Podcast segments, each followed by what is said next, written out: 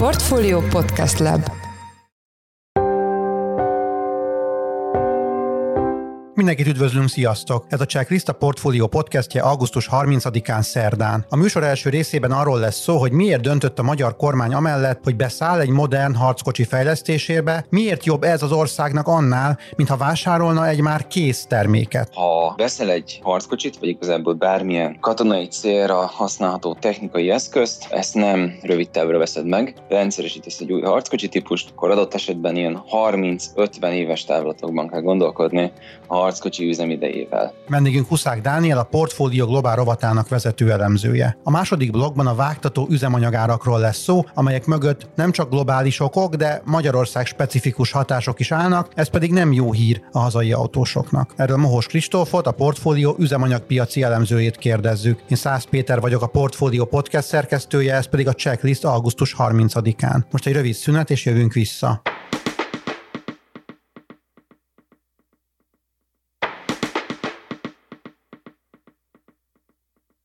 Orbán Viktor miniszterelnök egy TikTok videóban jelentette be, hogy Magyarország beszáll egy modern harckocsi fejlesztésébe. Maga a hír nem annyira meglepő, mert azt lehetett tudni, hogy a kormány a haderőfejlesztési programja keretében azon belül nem csak az eszközbeszerzésben látja a jövőt, hanem a fejlesztésben is gondolkodik. Az viszont már érdekes, hogy miért pont ezt a járművet választotta. Itt van velünk a telefonban Huszák Dániel, Lapunk Globál rovatának vezető elemzője. Szia Dani, üdvözöllek a műsorban. Szia Peti, üdvözlöm a kedves hallgatókat! Mit kell tudni arról a harckocsiról, amelynek a fejlesztési folyamatában most beszállunk? Most először is ennek a harckocsinak az a neve, hogy KF-51 Panther, vagyis Párduc. Ez egy következő generációs harci jármű, aminek a fejlesztése jelenleg folyamatban van. A Rheinmetall nevű német hadipari vállalat kivitelezi ennek a harcjárműnek a fejlesztését, illetve a tervek szerint hosszabb távon a gyártását, és lényegében egy olyan harckocsi platform, platformról van szó, ami számos újdonságot tartalmaz a jelenleg széles körben rendszeresített NATO harckocsikhoz képest. Kezdetnek például egy 130 mm-es harckocsi van felszerelve, amit kiegészít egy 20-as kapacitású automata utántöltő rendszer is. A Rheinmetall mérnökei azt várják el, hogy ez egy igencsak nagy páncélátható képességű harckocsi ágyú lesz, amelyel adott esetben lehet ugye más típusú célpontokat is pusztítani, fel lesz várhatóan szerelve valamilyen védelmi rendszerrel, amely képes lesz védettséget adni a harckocsinak a felülről érkező támadásokkal szemben is, tehát gondoljunk például az Ukrajnában pusztító Javelin vagy Enlo rakétarendszerekre, az ilyen jellegű fegyverek ellen, illetve várhatóan a dróntámadásokkal szemben is valamekkora védettséget fog élvezni ez a harckocsi mesterséges intelligencia fogja például segíteni a harckocsinak a kezelő személyzetét a célpontoknak a bemérésében, likvidálásában, azonosításában, tűzvezető rendszer teljes egészében várhatóan mesterséges intelligencia által asszisztált lesz, lesz a harcjárműben várhatóan kibervédelmi és elektronikus harcászati rendszer. Ez azt jelenti, hogy például megfigyelték azt, hogy egyes amerikai harcjárműveket amelyben van valamilyen komplex elektronikus rendszer már most, azokat van, hogy műveleti szinteren hackerek próbálnak meg zavarni vagy harcképtelenné tenni, várhatóan ez a harckocsi, ez már ilyen támadásokkal szemben is valamekkora védettséget fog majd élvezni. Lesz például benne nagyon nagy innováció, egy drónkezelő felület is, konkrétan lesz egy ember a harckocsiban, egy legénységnek a tagja, akinek csak az lesz a feladata, hogy a harckocsira integrált drónokat kezelje, irányítsa, illetve lesz egy kamerarendszer és harckocsin, ami várhatóan teljes körű rálátást ad majd a kezelőszemélyzetnek a harckocsi környezetére. Ezt úgy kell elképzelni, hogy ezek a kamerák lényegében konyhanyelven fogalmazva megmutatják azt, hogy mi veszi körül a harckocsit bárhol, a harckocsi körül 360 fokos szögben, és a legénység ezt a páncéltest védelméből fogja tudni látni, és úgy tudnak reagálni adott esetben külső fenyegetésekre, hogy ők teljes mértékben a, a páncéltestben tartózkodnak, és egy védettséget élveznek. De ez csak egy része a várható feature-öknek, mivel fejlesztés alatt van ez a platform, ezért nem tudni azt, hogy pontosan ezek közül a dolgok közül mi fog bekerülni a végleges változatba, mi nem fog esetleg bekerülni, milyen plusz kiegészítő rendszerek kerülnek majd be, azt is hogy tudni kell. Nyilván például az oké, okay, hogy egy harckocsinak van mondjuk egy, egy fő harckocsi ágyúja, de adott esetben lehet itt gondolkozni ilyen testből irányítható géppuskákon, gépágyúkon is. Most Rheinmetallnak van egy lézerfegyverfejlesztési projektje is, tehát még itt nagyon sok minden kerülhet be a harckocsiba ezeken kívül. Szerinted mi szükség van arra, hogy a kormány beszálljon egy harckocsi fejlesztésbe, ahelyett, hogy egyszerűen megvenni a késztermékeket? Igen, ez egy nagyon jó kérdés. Azt kell látni ezzel az egész dologgal kapcsolatosan, hogy ugye, ha veszel egy harckocsit, vagy igazából bármilyen katonai célra használható technikai eszközt, ezt nem rövid távra veszed meg, rendszeresítesz egy új harckocsi típust, akkor adott esetben ilyen 30-50 éves távlatokban kell gondolkodni a harckocsi üzemidejével. Úgy tud egy adott harckocsi platform akár ilyen hosszú időtávokon keresztül is üzemképes maradni, hogyha a harckocsi rendelkezik a megfelelő eszköz és alkatrézellátással, állandó szakértelemmel, aki működtetni tudja a harckocsit, aki képezni tudja a személyzetet, aki karbantartókat képezni tudja, és ami szerintem nagyon fontos, talán a legfontosabb dolog az, hogy a fejlesztési folyamattal az ember hozzáfér a legújabb innovációkhoz is, amelyek adott esetben egy harckocsihoz következő 30-50 évben megjelennek. Azt kell látni, hogy általában, hogy egy harckocsi vagy bármilyen más harcjármű kijön a piacra, akkor ez nem úgy néz ki, hogy legyártja a gyártó, és akkor azt a végtelenségig használni fogják, hanem ezeket az eszközöket általában a legtöbb haderő folyamatosan modernizálja, innoválja, felkészíti az újabb kornak a, az újabb harctéri kihívásaira. Ez egy folyamatos fejlesztési folyamat. Tehát, hogy annak érdekében, hogy 30-50 év múlva is adott esetben ütőképes és modern legyen egy ilyen páncélozott fegyverplatform, ennek érdekében állandó innovációra van szükség. Most, hogyha a kormány nem csak vesz egy eszközt, hanem ebbe az innovációs folyamatba is bekapcsolódik, akkor nagyobb eséllyel tudja szavatolni, hogy 30-50 év múlva is ez a harcjármű platform modern legyen. Amit meg látni kell ugye az egész haderőfejlesztési programmal kapcsolatosan, az az, hogy itt nem csak eszközök beszerzéséről van szó, hanem eszközök hazai gyártásáról is. Ez azért nagyon fontos, mert a kormány nyilvánvalóan abban is gondolkodik, hogy azokat a technikai eszközöket, amelyeket itthon legyártunk, azokat adott esetben exportra is tudjuk majd bocsájtani.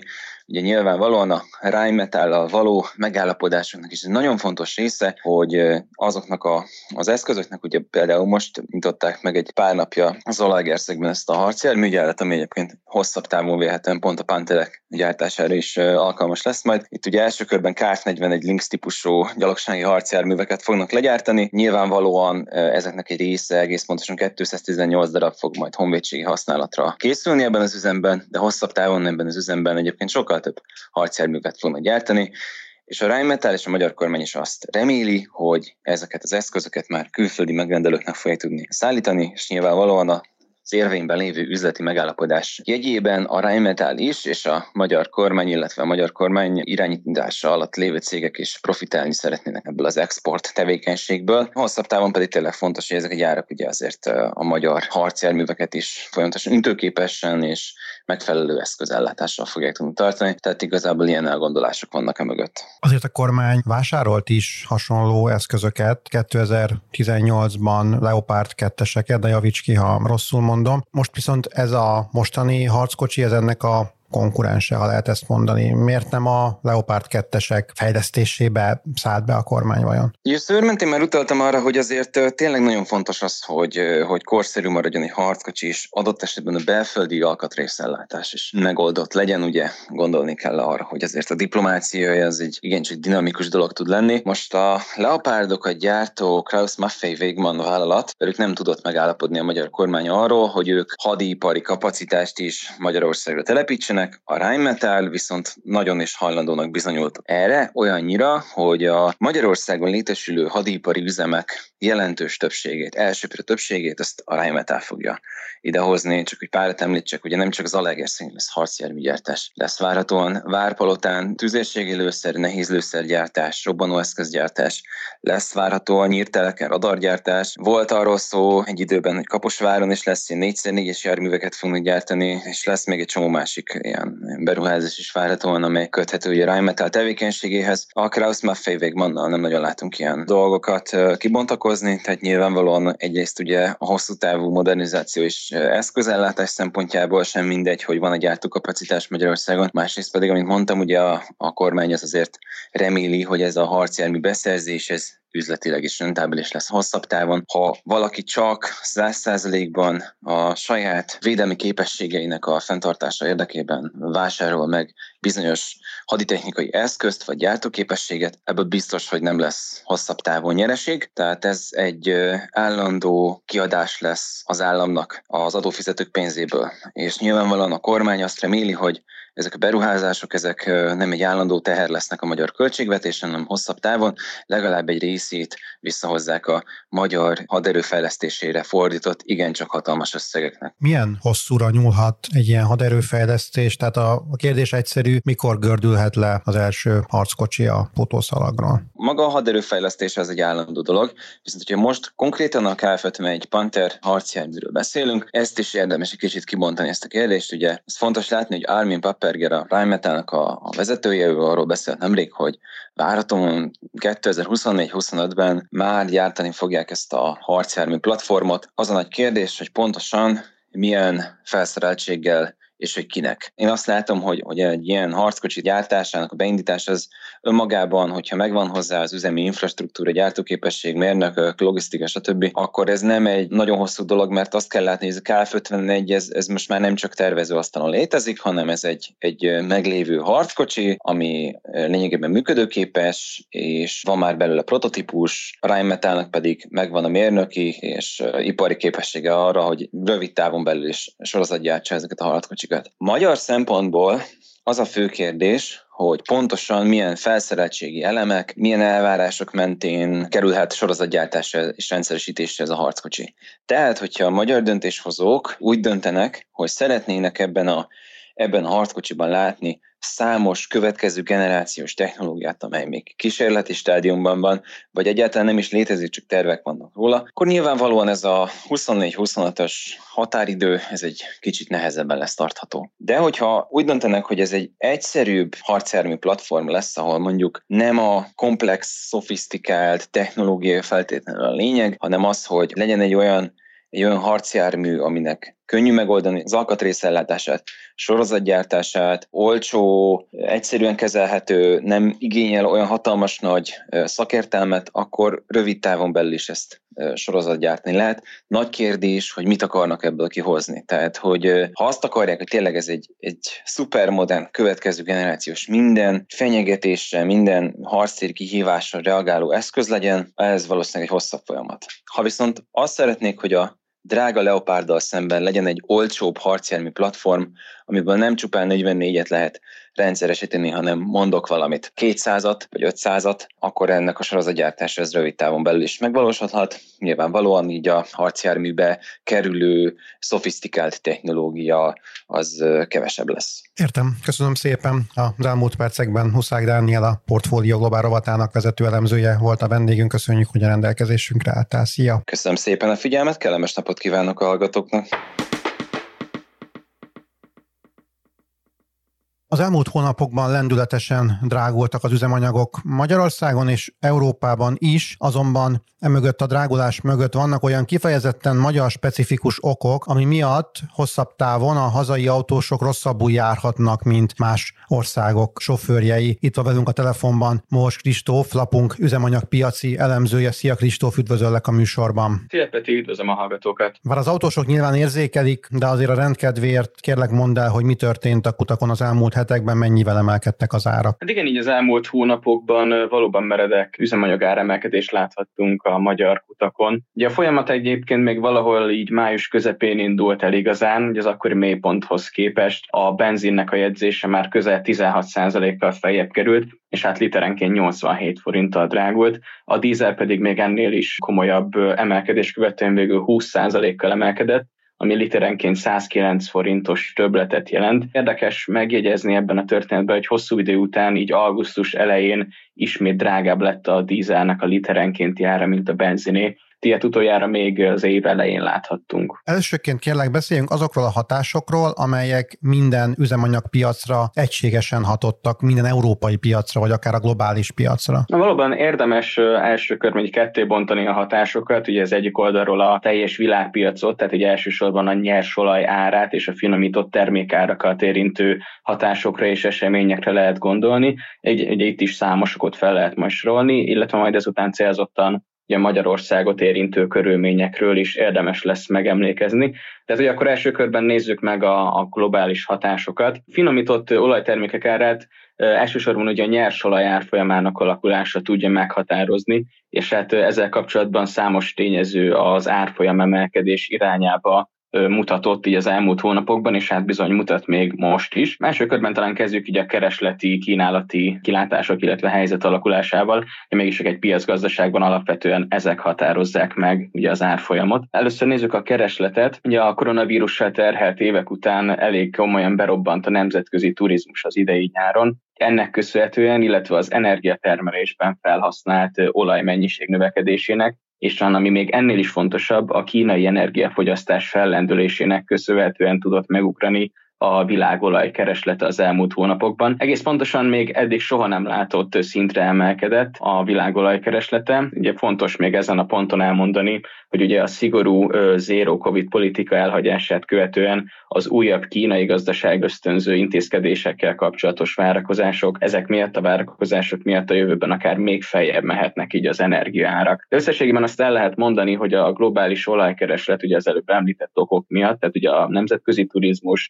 termelésben felhasznált olajmennyiség és a kínai energiafogyasztás fellendülése miatt a tavalyi állapothoz képest 2023-ra napi több mint 2,2 millió hordóval, végül 102,2 millió napi hordóra bővülhet ugye a Nemzetközi Energiaügynökségnek a bestése szerint legalábbis, és hát ugye ennek a növekedésnek több mint 70%-át valóban a kínai fellendülés adhatja. És hogyha közben megnézzük a másik oldalt, ugye a kínálatot, a globális olajkínálat a legfrissebb adatok szerint egy kicsit még vissza is esett júliusban, ez elsősorban a, a két vezető OPEC nagyhatalom, tehát Szaudarábia és az Oroszország által végrehajtott gyakorlatilag önkéntes, vagy inkább önkényes termelés csökkentésnek köszönhető. Ezt, mint ahogy az adatok mutatják, nem tudta megfelelően kompenzálni a nem OPEC országokhoz tartozó nagyhatalmak kitermelése. Itt elsősorban az USA-ra érdemes egyébként gondolni. Tehát összességében így a globális olajtermelés az előrejelzések szerint napi 101,5 millió hordón alakulhat. Ebben már is látszik, hogy egy rendkívül szűkös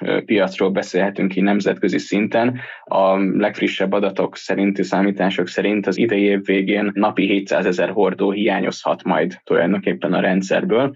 Ugye ezt a hiányt elsősorban leginkább ugye stratégiai készletekből lehet majd kipótolni, viszont itt azért több dolog is összejön, mondhatni egyfajta tökéletes vihar van itt a, a, az olajpiacon. Így a tavaly elnapolt és hát az idénre átolt karbantartási munkálatok miatt jelentős akadozások vannak ugye a finomítói tevékenységeknél, az energiatermő vállalatoknál, és ugye ennek következtében a készletszintekkel is lehetnek problémák a jövőben, ugye szintén az olajár emelkedésének az irányába hathat. Egyébként ez egy kicsit ugye a kereset kínálati dimenzió, meg a piacgazdaság szemüvegén kívül esik maga ugye a finomítóknak a, a speciális helyzete. Erről azt érdemes tudni, hogy ugye tavaly ugyanekkor, vagy hát tavaly még kicsit ennél korábban egy nagyon komoly energiaválságos környezet volt, ahol rendkívül magas árkörnyezetben tudtak az energiatermelő vállalatok termelni, és hát ebben a környezetben természetesen sorra tolták el a, a szükséges karbantartási munkálatokat a cégek, mert ezeken az árszinteken nem akartak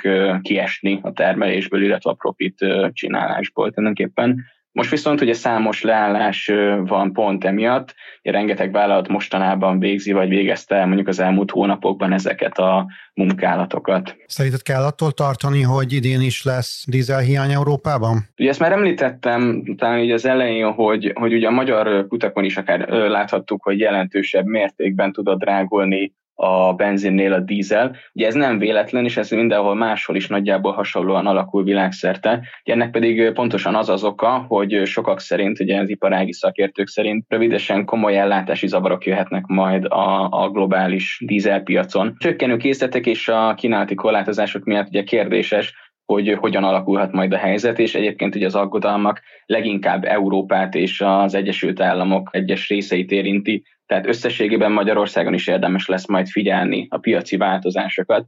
Ugye erre még ott van, tehát ugye a kínálati sokkok mellé a keresleti nehézségek, ugye közeledik a tél, és hát a fűtési szezon indulásával megugorhat majd a kereslet, ugye ez újabb nyomást gyakorolhat majd a dízelárakra.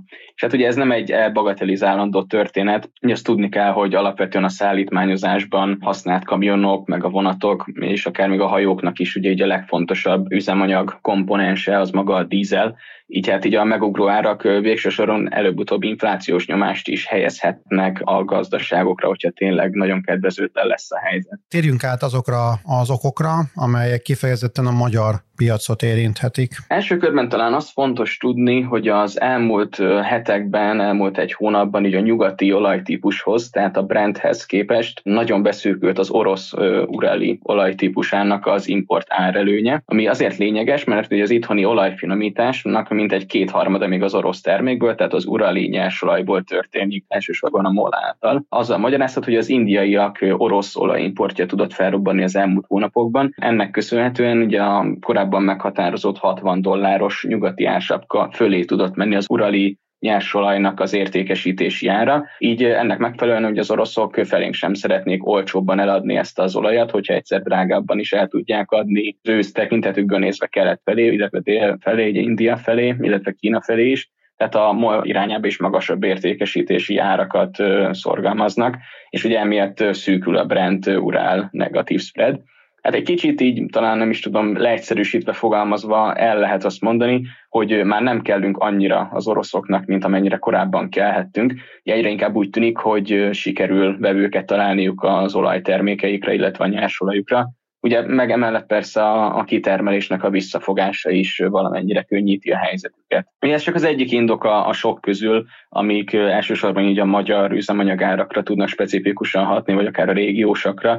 Ugye fontos fejlemény volt még az is nemrég, gyakorlatilag az egekbe ugrottak a tranzitdíjak, tehát ugye azok az összegek, amiket a MOL a nyersolaj Magyarországra szállításért fizet ki, hogy aztán itt tudjon belőle finomítani benzin és vizet. Ukrajnából a barátságkőolaj vezetéken, Horvátország felől pedig az Adria vezetéken keresztül vásárol a MOL kőolajat, és hát itt sokszoros költségtöbletet kell fizetniük most már ugye a nemzetközi árakhoz képest a, a magyar olajcégnél. És hát nyilvánvalóan hogy a magas olajtranzit díj egy lényeges ok lehet abban, hogy az elmúlt hetekben meredeken emelkedtek itt az üzemanyagárak, ugye beépül a megnövekedett szállítási költség a fogyasztói árba. Aztán még, még a forint gyengélkedését is lehet mint egy tényezőként említeni, hogy az elmúlt hetekben gyengülni kezdett a dollárra szemben a forintba, és hát inkább a dollár erősödött ugye az amerikai gazdaság jó teljesítményének köszönhetően. Ugye a hazai piacon a dollárban denominált olajárának emelkedését jelenti áttételesen, hogyha, hogyha a forint gyengül,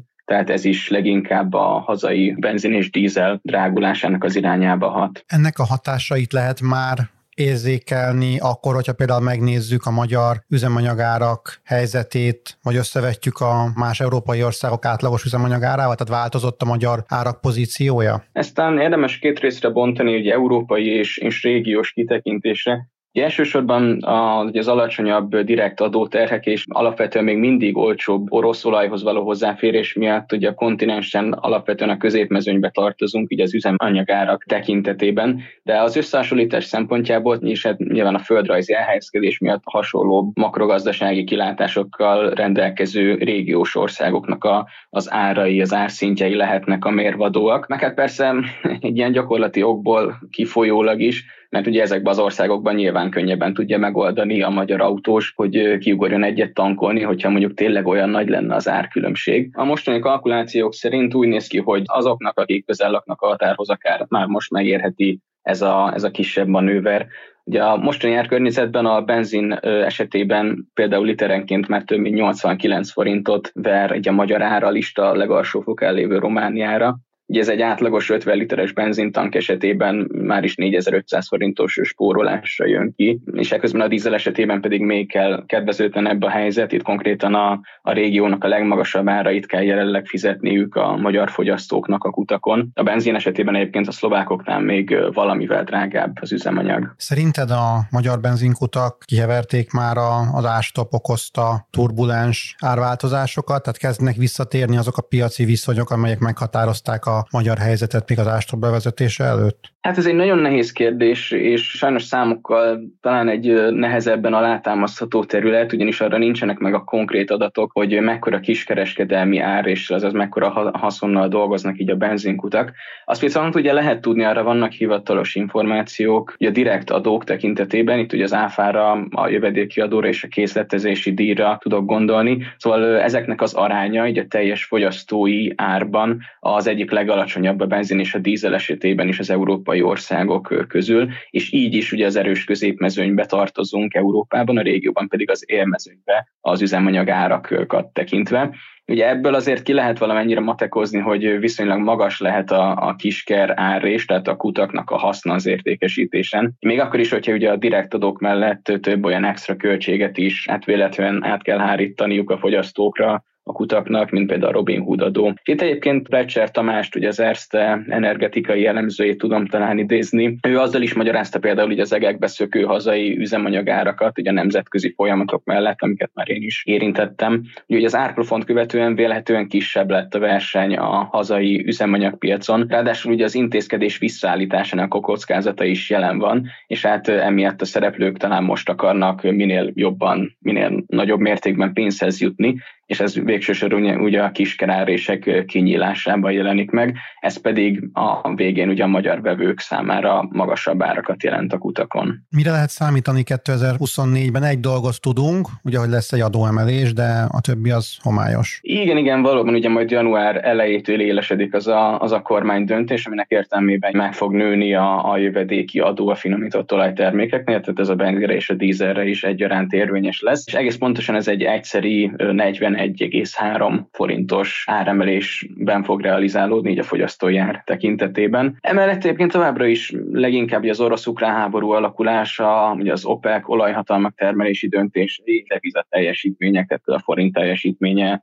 az, ami befolyásolhatja az üzemanyagárakat. Ami pedig ugye a januári adóemelés hatását illeti, hát most ugye csak olyan grafikon tudunk, illetve tudtunk gyártani így az elemzések során, ami azt mutatja meg, hogy mi lenne, hogyha már mától érvényes lenne ez az emelés. Ugye nyilván ez a grafikon jelentősen torzít, mert számos dolog történhet, és nyilván fog is történni még januárig, ami ugye befolyásolni tudja a benzin és a dízel árakat az országok között.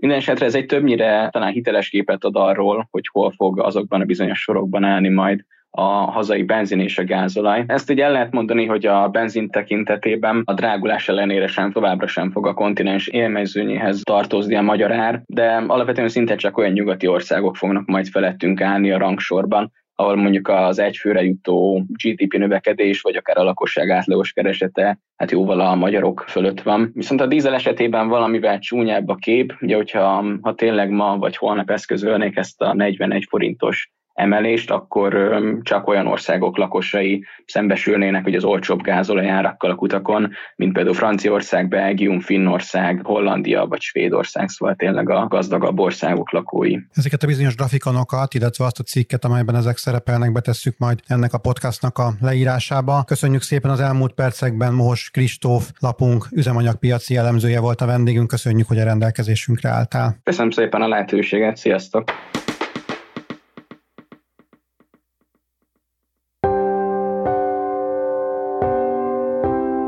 Ez volt már a Checklist, a Portfólió munkanapokon megjelenő podcastje. Ha tetszett a műsor és nem tetted volna, iratkozz fel a Portfólió Checklist podcast csatornára valamelyik nagyobb platformon, ahol jellemzően podcastokat hallgatsz. Ha segítenél nekünk abban, hogy minél több hallgatóhoz eljussunk, értékelj minket azon a platformon, ahol ezt az adást meghallgattad. A mai műsor elkészítésében részt vett gombkötő Emma, a szerkesztő pedig én voltam Száz Péter. Új műsorral holnap jelentkezünk, addig is minden jót, sziasztok!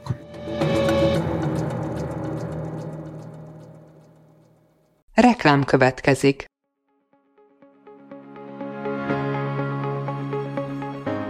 Raúl Müller Lajos vagyok, az Agrárszektor főszerkesztője. Májusban két tematikus konferenciát is rendezünk Kecskeméten az agrofood szektor szereplőinek. A május 22-én tartandó Portfolio Agrofood 2024 konferencia az élelmiszeripari vállalkozások, beszállítóik, a szolgáltató cégek és a kereskedők számára nyújt egyedi betekintést az aktuális trendekbe. A május 23-án megrendezendő Agrofuture konferencia pedig egyedülálló módon tematikus formában foglalja össze a hazai agrárgazdaság fenntarthatósági követelményeit és innovációs lehetőségeit. Jöjjön elő is, részletek és jegyek a portfolio.hu per rendezvények oldalon.